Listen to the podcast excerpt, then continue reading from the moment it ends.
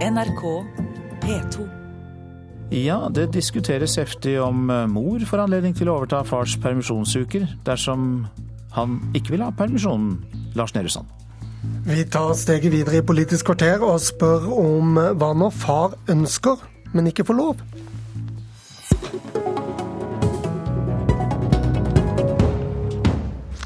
Dette er Politisk kvarter, og vi tar pappaperm-diskusjonen. Setningen Arbeiderpartiet vil styrke fars selvstendige permisjonsrettigheter er fjernet fra Aps partiprogram før denne valgkampen. Hvorfor det, Arild Stokkan Grande fra Arbeiderpartiet med oss fra studio i Kristiansand? Vi har jo faktisk styrka fars rettigheter eh, i løpet av de åtte årene vi har hatt eh, regjeringsmakt. Vi har utvida gruppene eh, bl.a. når det gjelder uføretrygda, når det gjelder mor i deltidsstilling. Så vi føler jo at vi nå har kommet veldig langt i forhold til å styrke fedres rettigheter. Vi skal fortsatt vurdere om det er flere grupper som bør få muligheten til å ta ut pappaperm, men vi mener at det må henge sammen med en yrkesdeltakelse, fordi at vi tror at familiene er opptatt av å kombinere jobb og omsorg. Eh, og vi mener samtidig at foreldrepermisjon er en ordning for å betale for at du er borte fra jobben for å være hjemme med barn. og Derfor så må det henge sammen med arbeidslinja. Men 6000 fedre har altså ikke rett til fedrepermisjon pga. mors arbeidstilknytning, ifølge Dagsavisen i går. Sånn må det bare være, altså?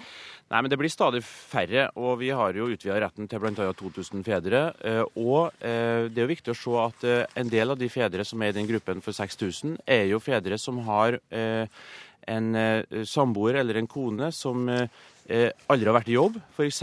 så gjelder jo dette mange innvandrerfamilier. og Vi mener jo at det er viktig at også innvandrermødre får muligheten til å komme seg ut i arbeid, får muligheten til å lære seg det norske språket.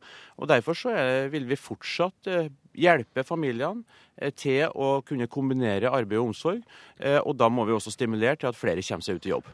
Kjell Ingolf Ropstad, du representerer Kristelig Folkeparti med her i studio i Oslo. Hvor, hvorfor er det ikke kommet langt nok, selv om Stockholm Grand og co. har gjort mye? For meg høres det ut som det er ideologiske stoppere som, som, gjør at ikke de ønsker å gjøre noe med det. Det er 6000 fedre som ikke har den retten som skulle være en selvfølge i 2013.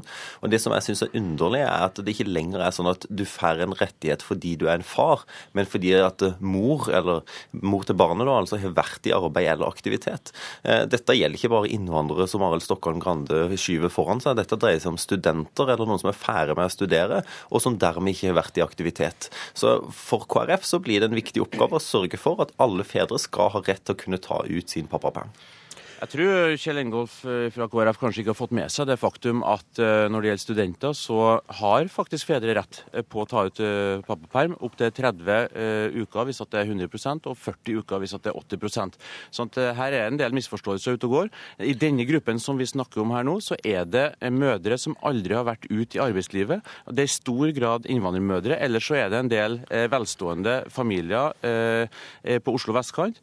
Og det er viktig at vi sier at når vi skal ha en skikkelig god, raus eh, familiepolitikk, en velferdsordning hvor det norske fellesskapet betaler 18 milliarder kroner i foreldrepermisjon alene, så er det også viktig at vi sier at vi mener at vi skal samtidig bidra til at flest mulig kommer ut i arbeid, fordi vi trenger alle hender med på laget. Men, men Stokken Poenget med pappapermen da den kom, var jo at far skulle få bedre kontakt med, med barn og være en del av oppdragerrollen i, i, i større grad. og Da er vel mors arbeid arbeidstilknytning ganske lite relevant? Det er jo helt eh, klart at eh, Ambisjonen med fedrepermisjon er jo det at eh, flest mulig fedre skal ha muligheten til å kontakte med sine barn.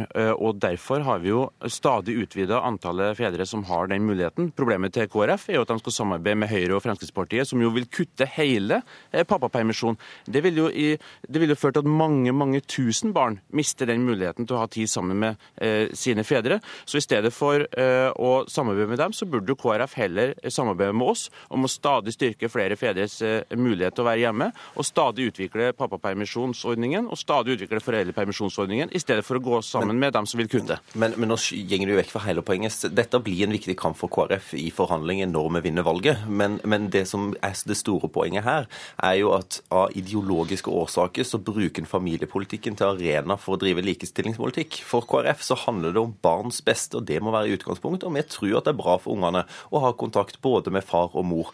Og Det, det provoserende er jo at dette er fedre som arbeider, eh, som har opptjent sine rettigheter, og som bare pga. mor sin aktivitet eller det at de ikke har vært i arbeid, ikke kan ta den ut. Og det er feil som Stokkan Grande sier, at alle studenter kan ta ut på, eller som har mødre som er studenter og kan ta ut pappaperm. For hvis du har deltidsstudie, så kan du ikke ta ut pappaperm. Men eh, Grande, i serien Hvem skal samarbeide med hvem, vil det da være dumt for SV å samarbeide med dere? Fordi SV vil jo neste periode at alle fedre skal få selvstendig opptjeningsrett, i første omgang til de 14 pappapermukene. Hvordan vil dere i Arbeiderpartiet stille dere til det?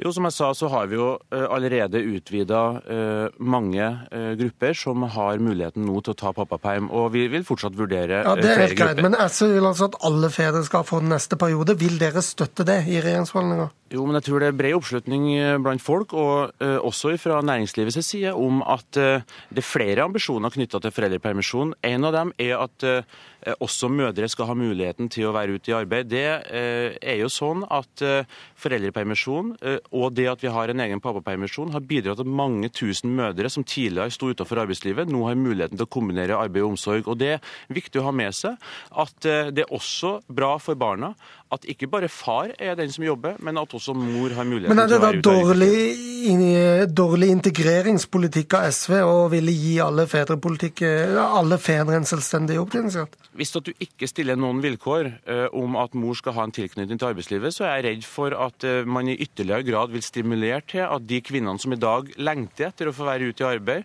lengter etter å få komme seg ut og lære seg det norske språket, lengter etter å få et nettverk, i ytterligere grad vil bli låst fast i hjemmet. Og Det er en politikk som jeg ikke vil være med på, fordi at jeg syns det er viktig at også de mange flotte tusen nye innvandrerkvinnene vi har fått til Norge, skal ha muligheten til å bidra i det norske samfunnet. Kjell Ingolf Ropstad, det er ingen partier som vil bruke så mye penger på familiene som dere vil med deres partiprogram. Hvordan skal dere klare å få flere kvinner ut i arbeidslivet hvis familiene får like gode ordninger uansett? KrF tar utgangspunkt i barnets beste, og vi har tillit til at familiene vet sjøl best hvordan de skal organisere sin hverdag. Og jeg tror heller ingen er i tvil om at hvis KrF kommer i regjering, så kommer dette til å være et av de mest eh, profilerte og viktigste prioriterte eh, feltene som, som vi skal løfte. Vi har en ambisjon om å gjenreise familiepolitikken. Det betyr tillit, og det betyr valgfrihet, og det betyr fleksibilitet for familiene. Tusen takk til dere, Arild Stokkan Grande og Kjell Ingolf Ropstad.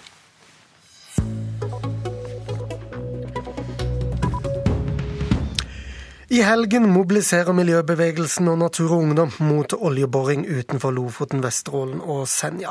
God morgen, NU-leder Silje Lundberg, du er på plass. Hva skal skje? Det som skjer, er at Natur og Ungdom har eh, sin sommerleir i Henningsvær i Lofoten denne uka. Da har vi samla 400 ungdommer fra hele verden for å vise motstand mot oljeboring utenfor Lofoten, Vesterålen og Senja. Og på lørdag så blir det en stor folkefest i Kabelvåg. Og da blir det sånn som det skal være på fest. Det blir mye musikk, god musikk. Det blir annen underholdning, litt med olje som bakteppe. Det blir også appeller fra både nasjonale og internasjonale miljøvernere.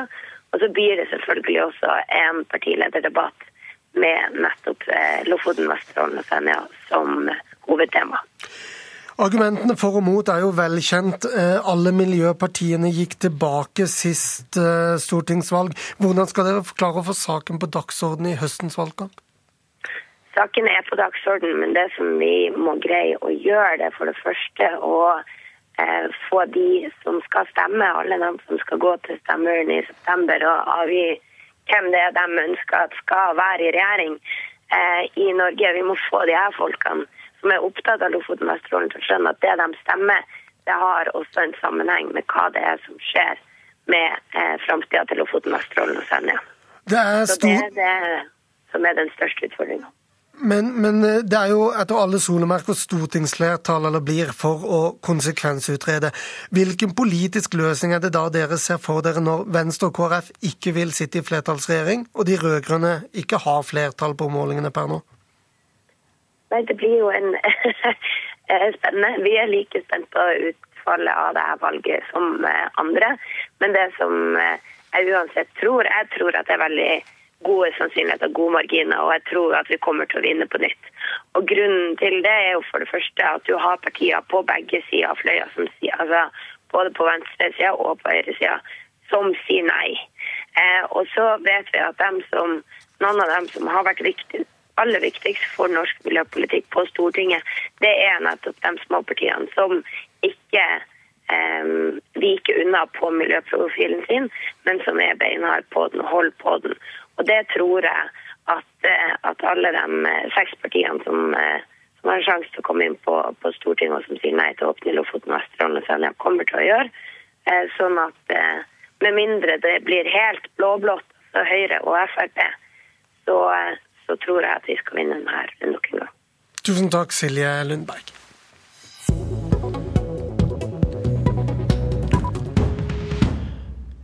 I hele sommer har vi snakket med politiske talenter som partilederne selv har plukket ut.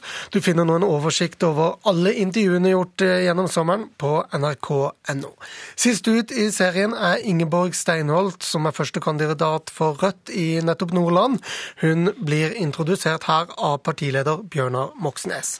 Ingeborg sitter jo på fylkestinget i Nordland eh, for, eh, for, Rødt. Hun har vært eh, viktig i arbeidet for å gjøre Rødt til et mye større parti i fylket. Nå har vi jo etter hvert gått forbi, forbi, SV, og også vært med på å få Rødt til forhandlingsbordet og med på det styrende flertallet i fylket, fram til vi brøyt på et viktig grunnlag. Så Ingeborg kan både hestehandle og få gjennomslag, og er etter hvert en ganske kjent og markant politiker i fylket. Slik blir du beskrevet av partilederen eh, Ingeborg Steinholt. Hvordan ville din mor ha beskrevet deg? Jeg tror nok mamma ville ha beskrevet meg som eh, ganske viljesterk, eh, og at vi har fått et bedre forhold etter jeg flytta hjemmefra. ja vel. hvis du skulle blitt statsråd, hvilket departement ville du valgt da? Da tror jeg jeg ville vært Helsedepartementet. Hva er du mest stolt over å ha oppnådd eller gjennomført i politikken så langt? Vi hørte jo litt fra Moxnes. Jeg tror nok det jeg er mest stolt av, er det han Bjørnar nettopp nevnte, det her med at vi faktisk var med og styrte i Nordland et års tid.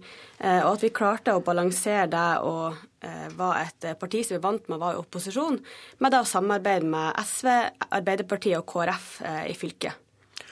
Hvor ville du hatt eh, Rødt sitt partiprogram eh, kan eller skal forbedres, hvis du bare kan nevne et tiltak? Jeg syns Rødt har veldig mye bra politikk, eh, men vi har fortsatt en del å gå på når det kommer til distriktspolitikk. Som veldig mye mange andre partier og medier, så styres jo mye av politikken fra Oslo. Og jeg tror at politikken er tjent med at stemmer fra distriktene blir mer hørt, òg i Rødt. Hva vil det si å kalle seg revolusjonær i 2013? For meg så eh, vil det si at man er for helt grunnleggende demokratiske forandringer. Og Et eksempel på en sånn forandring det er uh, f.eks. det når damer fikk stemmerett for 100 år siden. Uh, og Hvis vi ser på Europa i dag, så er det sånn at en liten elite styrer både økonomi og finans. Og det har ført til at millioner av unge er i arbeidsløshet.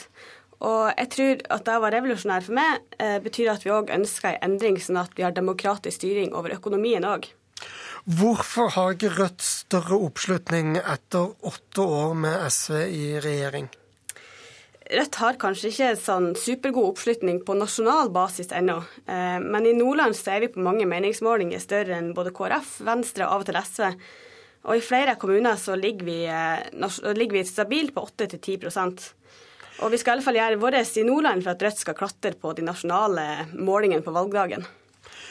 Du skal da drive valgkamp i Nordland med, dagens, med helse som, eh, som, en av hovedsakene, og du, du, er særlig mot dagens helseforetak-modell. Hvorfor er det en relevant kampsak i Nordland?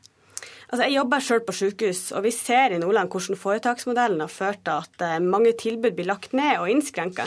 Og dette gir utrygghet og usikkerhet for folk som bor og jobber eh, rundt omkring i landet.